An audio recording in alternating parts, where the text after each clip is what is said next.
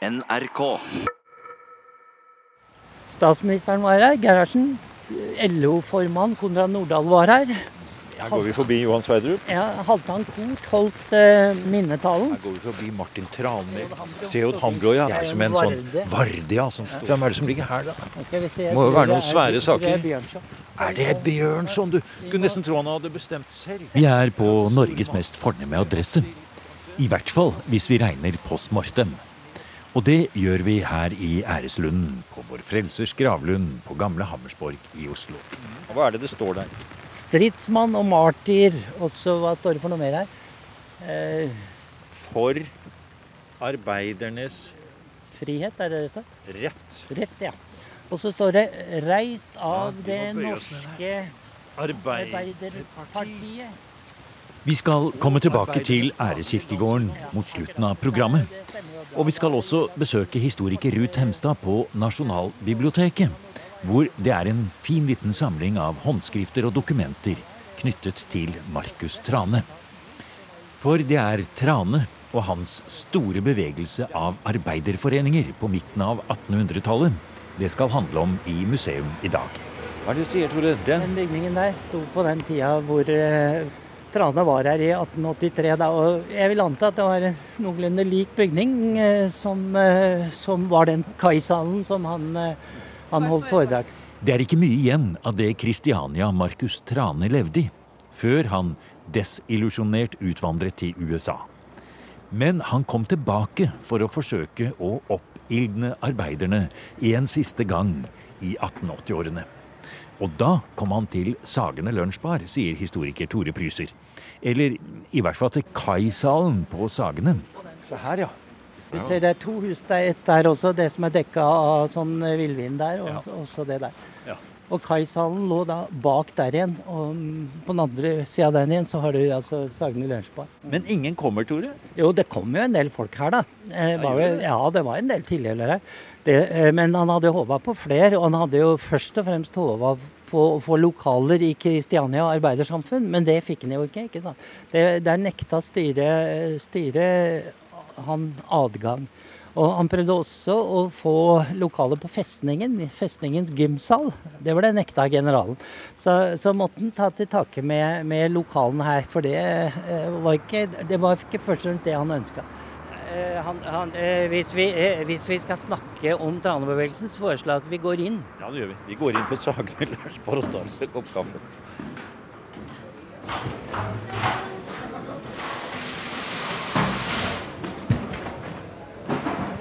Her er det fint, vet du.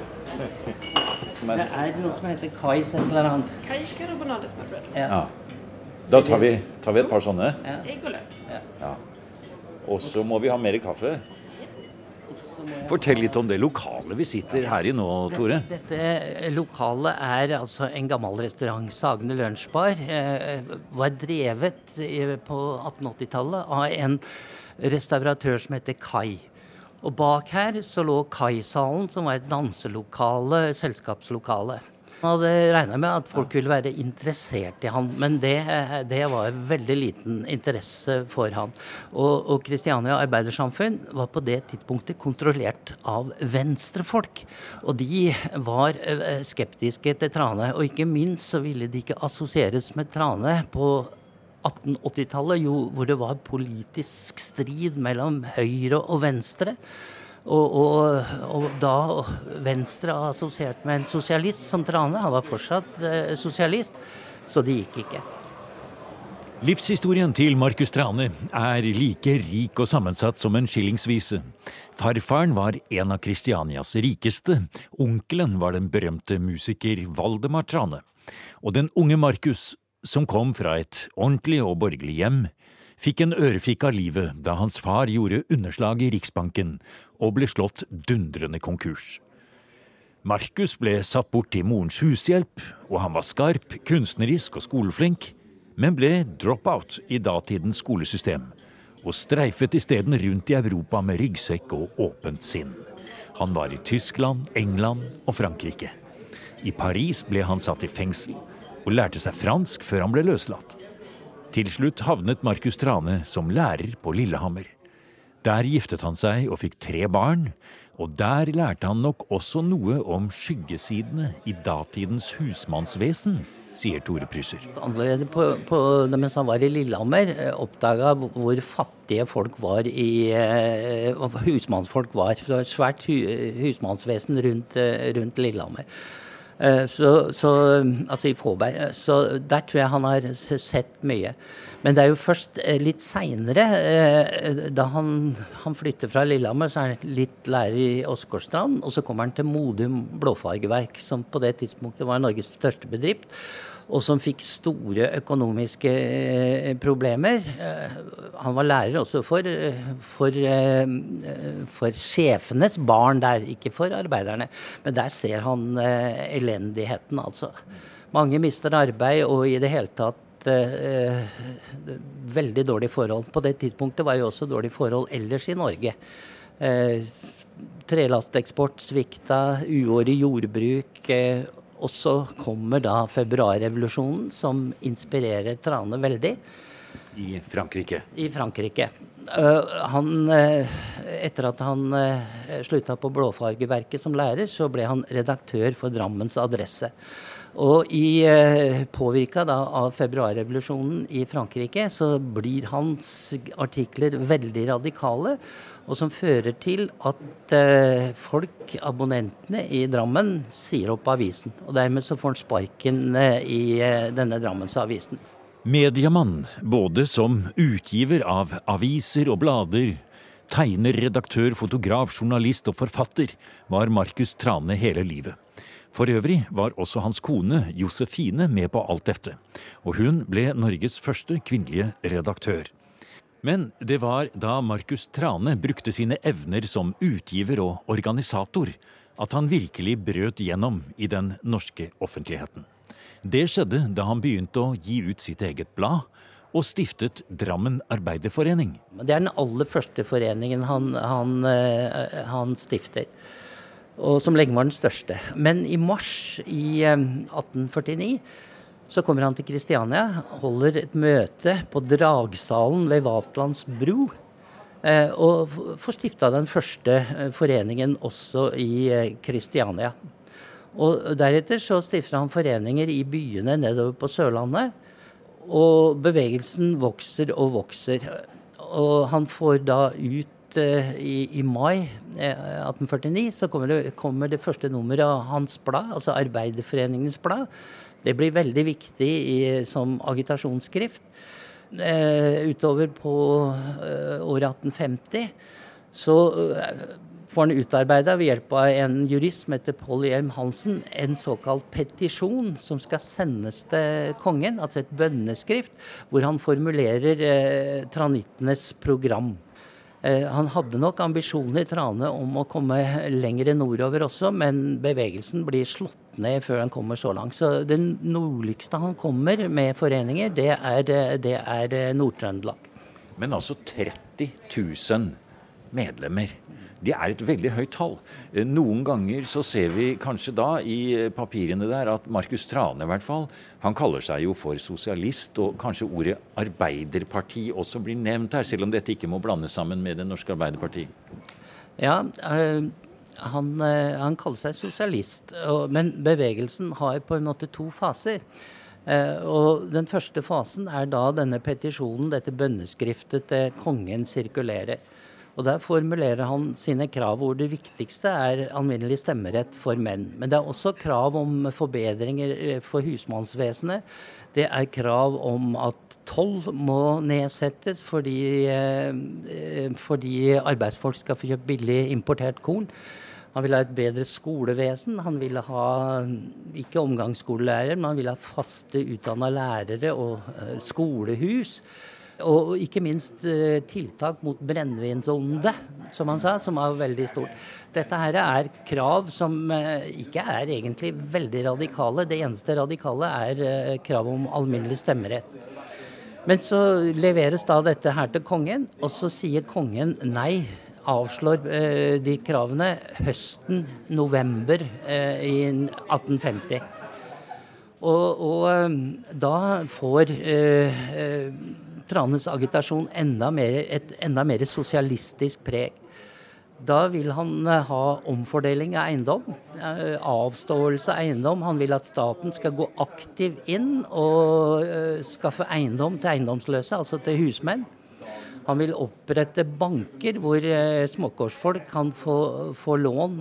En rekke slike tiltak. Han, noe som provoserer veldig, er jo at han får spørsmål om hvordan skal de skaffe penger til, til banker og sier da rett ut vi kan ta kongehusets apanasjer som, eh, som grunnlag. Det er klart at dette er veldig, veldig provoserende. I 1850 og 1851 var Tranes arbeiderforeninger blitt en viktig politisk faktor i Norge. Organiseringen lignet veldig på det som senere ble det vanlige mønsteret da de politiske partiene begynte å komme. Det var partiavis, betalt medlemskap, sentralstyre og landsstyre. Og hadde Tranebevegelsen stilt til valg, ville de hatt stor tyngde, sier historiker Tore Pryser. Men, men, men, Stortinget var altså ikke noe som Trane hadde tillit til. Han mente det var bedre med en uh, konge, uh, autoritær konge, enn uh, 100 autoritære stortingsrepresentanter. Så Stortinget var ikke hans arena. altså. Men han hadde det han kalte for ikke Stortinget, men Lilletinget, som altså var et årsmøte. Ja, Nei, På Lilletinget så var eh, landsmøtet samla da. Og det som skjedde der, eh, som er viktigst, det var jo at eh, det en av dagene ble fatta et vedtak om revolusjon. Dette var imot Tranes mening. Han prøvde å få omgjort vedtaket. Men det benytta altså myndighetene til å kriminalisere bevegelsen, arrestere eh, de fremste eh, lederne. Men de fikk ikke noe fradrag for varetekt. Så, så Trane sona til sammen sju år i, i, i fengsel. Det ble en høy pris å betale, ikke bare for Trane selv, men også for hele bevegelsen. Josefine forsøkte lenge å holde Arbeiderforeningenes blad i gang, men hun var syk og fattig og fikk tuberkulose og døde noen år senere. Da Trane kom ut fra botsfengselet, forsøkte han å få i gang arbeiderforeningene på nytt. Men ingen ville stille opp som før. Det er ikke fort at uh, bevegelsen er kriminalisert og, stigmatisert. Altså, det er ingen uh, interesse. Han oppsøker noen av sine gamle kollegaer, da, ledere uh, i forskjellige steder, men, men det er ikke noe grunnlag for det.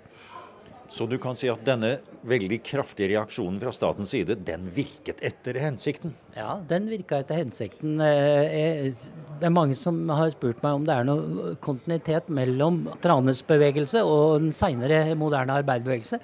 Men jeg tror snarere den stigmatiseringa som tranittene var utsatt for, eh, forsinka kanskje den moderne arbeiderbevegelsen. For det var en virkelig stigmatisering. Altså mange som hadde vært tranittere, de de følte at de uh, ikke hørte til i det norske samfunnet lenger, og utvandra eh, til USA. Det gjorde jo også Trane. ikke sant? Han som skrev petisjonen, uh, Hjelm Hansen utvandra, og, og, flere andre uh, sentrale tranittere utvandra til Amerika. Og han har laget det selv. Er?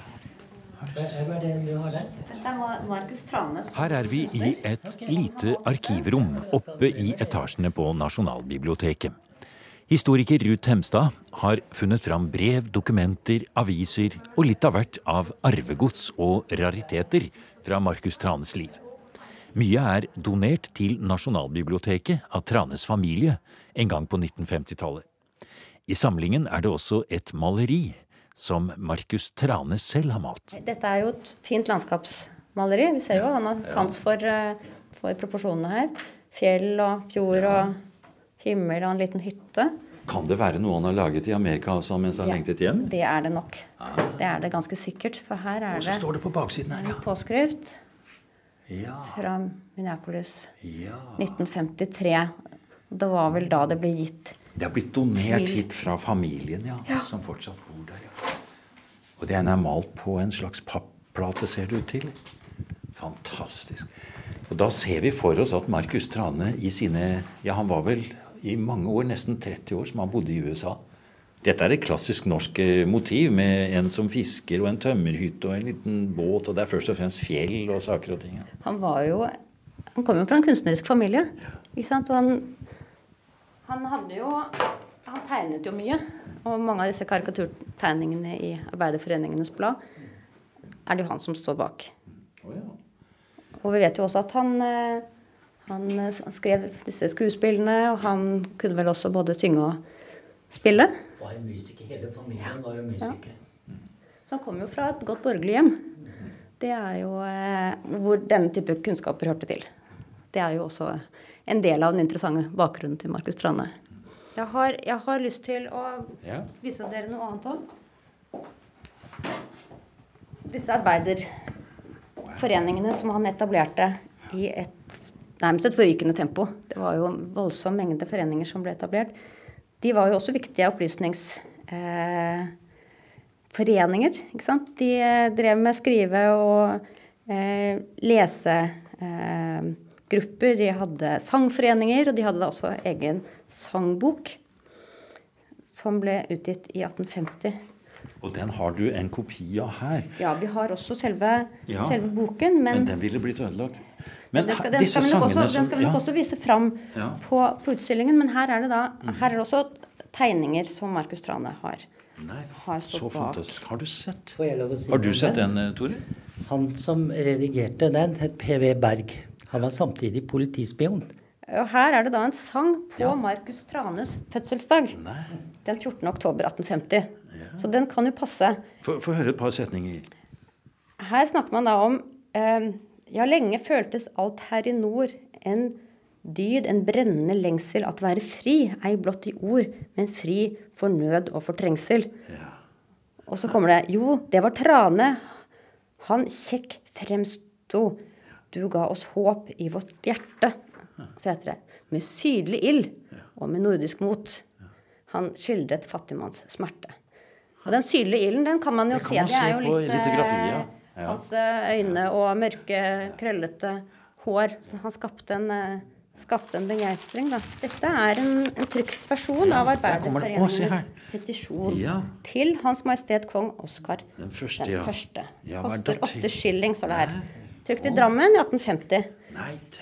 Og det er klart, denne petisjonen Og dette, denne petisjonen, en del av de andre tingene som Markus Trane har skrevet, og også hele Arbeiderforeningenes blad med karikaturer og det hele, det finnes digitalisert på Nasjonalbiblioteket. Så dette kan folk faktisk gå inn og se på på nettet. Her kan man raskt klikke seg inn. og Man kan lese også alle utgavene av avisen, og det er jo veldig, jeg har kikket på det. Det er jo veldig skarpt, flott og fint, og det er jo virkelig en opplevelse å gå inn og se på det. Altså, dette var jo en periode i Norge etter 1814 hvor Norge hadde fått eh, full ytringsfrihet i Grunnloven paragraf 100. Det er klart det var noen begrensninger på den ytringsfriheten, men i utgangspunktet så var det nå lov til å tale fritt, bl.a. om politikk. Det hadde det jo ikke vært tidligere i foreningstiden med Danmark, som fortsatt var et enevelde. Um, nå i unionen med Sverige så ble det muligheter for å diskutere politikk på en annen måte. Og dette er noe av det som vi ser på i det prosjektet som jeg leder, om offentlighet og ytringsfrihet i Norden på 1800-tallet. Og det er klart at det vi jo i hvert fall ser, er at det er utforsking og uttesting av grensene for ytringsfriheten i denne perioden. Og at den skjer på forskjellige måter i de ulike nordiske landene. Og klart, hvis du ikke behersket eh, ordet, og ikke hadde kontakter på en måte i, eh, i avisverdenen, så var det ikke så lett å slippe til. Og der åpnet jo Markus Trane med sine foreninger, hvor man kunne diskutere politikk, og med Arbeiderforeningenes blad, hvor man kunne slippe til et helt nytt felt. Og her står det Dette er fra Første- ja. justiskommisjonssaken. Ja, akkurat. Der er den, ja. Det er vel når de reiser rundt da og forhører. her, her står altså Dette er jo uhyre spennende. Her kan man lese hva han sier, hva slags spørsmål han får. Og her står det nummer nedover hele veien. Det må jo være nummer på tiltalte, da, muligens. Hattemakeren Ja, Halstein der er Halstein var Knudsen, ja. på Hønefoss. Nei, nei, nei. For et flott dokument. Det er jo et tidsdokument. Det skulle vært nesten et par-tre programmer ut hvor vi bare satt og leste fra denne ene protokollen. vi protokollen. kunne trenge litt tid på det. Ja, det er jo utrolig flott. Også, ja. Her fant du gull, Tore. Ja da, dette er. Ja, da snakket du om bl.a. Dagslyset, Ja, som var en av? Tranes aviser. Det var den som gikk lengst av avisen hans. Dagslyset. gikk i den- Filosofisk religiøst månedsblad. Har du sett så flott? Det er? Chicago 1869. Og den er helt original, og så ligger der i sin form. Mens i Skandia, som var en av de andre Ja. skandinavisk-amerikanske, norsk-amerikanske avisene, Ja. 9. mai 1890 så Der nekrologen og med min siste vilje. Det er trykket der, nettopp. Vi har også en hel del notater fra Tranes hånd fra årene i Amerika. Så har vi da dette som er Markus Min Tranes siste vilje, Min siste vilje. testamentet. Og han, her Og ser er det også hans egen skrift? Han skriver jo veldig pent. Veldig forståelig og lettleselig, så det er jo en fryd. Og her, her skriver han om min siste vilje. Jeg ønsker at begraves uten geistlig betjening og uten religiøse seremonier. Og så, videre. Og så skriver han også kun åpne, og så i parentes outspoken, fritenkere må følge meg til graven. Og Ingen liktale må holdes, verken i sørgehus eller etterpå ved graven. Og så skriver han også dette er interessant. Så som flere venner har forsikret meg at der etter min død skal blive reist meg et stort, prektig monument. Og så som den er blevet reist monumenter for mange ennå uverdigere enn meg, så for å forebygge sådan æresbevisning post festum erklærer jeg det for mitt bestemteste ønske at ingen som helst minnestøtte skal reises meg etter døden. Den 27. april ble den norske arbeiderbevegelsens første forkjemper, Markus Trane, gravlagt i æreslunden på Frelsers gravlund. Halvdan Koht holdt minnetalen. Trane ville reise. Han drømte stort om det nye som skulle komme. Nå hviler han i æreslunden sammen med menn som Bjørnson og Wergeland. Dette er Filmavisen fra 1949. Da hadde Markus Trane ligget mer enn 60 år i jorden på en liten kirkegård i byen Auclair i det norsk-amerikanske Wisconsin i USA. Men i 1949 skulle alt det skje som Trane selv så omhyggelig hadde frabedt seg i sitt testamente. Og jeg vil jo først og fremst gi Halvdan Koht æren for å eh, bokstavelig talt nesten ha gravd ham fram igjen. altså. Halvdan Koht var jo den historikeren som eh, interesserte seg for Markus Trane. Han var jo utenriksminister på, på 30-tallet. Men altså, i 1949 så vedtar regjeringen å bringe Tranes eh, jordiske levninger tilbake til Norge. Altså, de vedtar det å, å gjøre det på den måten. Det er vel ganske sjelden at det Ja, jeg vet i farten ikke noe eh, lignende eksempel, jeg. Men, eh, men det er jo regjeringen Gerhardsen, da. Som eh, Arbeiderpartiregjeringen Gerhardsen med eh, håper å si, klart flertall i Stortinget og, og, og, og sånn. Og grunnen til det, Tore, det må vel være at da, på det tidspunktet, så må man vel si at veldig mange av de ideene som Markus Trane hadde stått for og blitt fengslet for, De eh, var, de eh, var jo blitt realisert. Det var en del av eh, det norske samfunn. Altså stemmeretten for menn ikke sant, kom i 1898, for kvinner i 1913. Eh, andre ting var jo, som Trane hadde krevd, altså husmannsvesenet. Det tok jo sin tid å få det helt avskaffa. Først med jordloven i 1928 så fikk husmenn rett til å kjøpe sine små husmannsplasser. Det, spilte ikke noen rolle om eh, bonden eh, protesterte, da hadde de retten. Og da var det også eh, etablert banker da, hvor småkårsfolk kunne få lån til å, å, å kjøpe seg ut. Og Så- de som sitter i regjeringen etter annen verdenskrig, og nå skal de bygge landet på nytt igjen, og alt går bra, holdt jeg på å si. Eh, krigen er vunnet, og alt er på skinner. Og Einar Gerhardsen er da blitt denne landsfaderen, som vi kjenner han nå i ettertid, slik som historien beskriver Arbeiderpartiets prosjekt. Eh, velferdsstaten, et ord som Markus Trane ikke hadde hørt om engang. Det var ikke funnet opp i det hele tatt. Selv om hans program, altså Tranes program, nok kunne minne om grunnpilarene i velferdsstaten. Det hadde altså blitt gjennomført. Og er det derfor regjeringen regjeringen rundt sitt bord tenker at nå må vi hente tilbake til Norge den personen som tente denne gnisten første gang, eller hvordan ser du det? Jeg, jeg ser på det slik altså dette er for å trekke trådene. Altså Arbeiderpartiets øh, vekst, storhetstid, er jo, er jo denne tida her. De vil gi seg selv en form for historisk legitimitet Ja, ja, ja, eller dybde. Det, det er for å finne sine røtter at man eh, gjør dette her, vil jeg påstå. Hans tanker var med på å modernisere Norge, og det han krevde, eh, og etter hvert ble realisert, da, var med å modernisere Norge.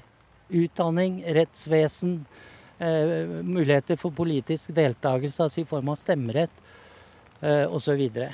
så han eh, er en veldig viktig person, da, som det er viktig å markere 200-årsdagen eh, for, vil jeg mene. Du har nå hørt en podkast av programmet Museum fra NRK P2. Og send gjerne en e-post til museum krøllalfa nrk.no.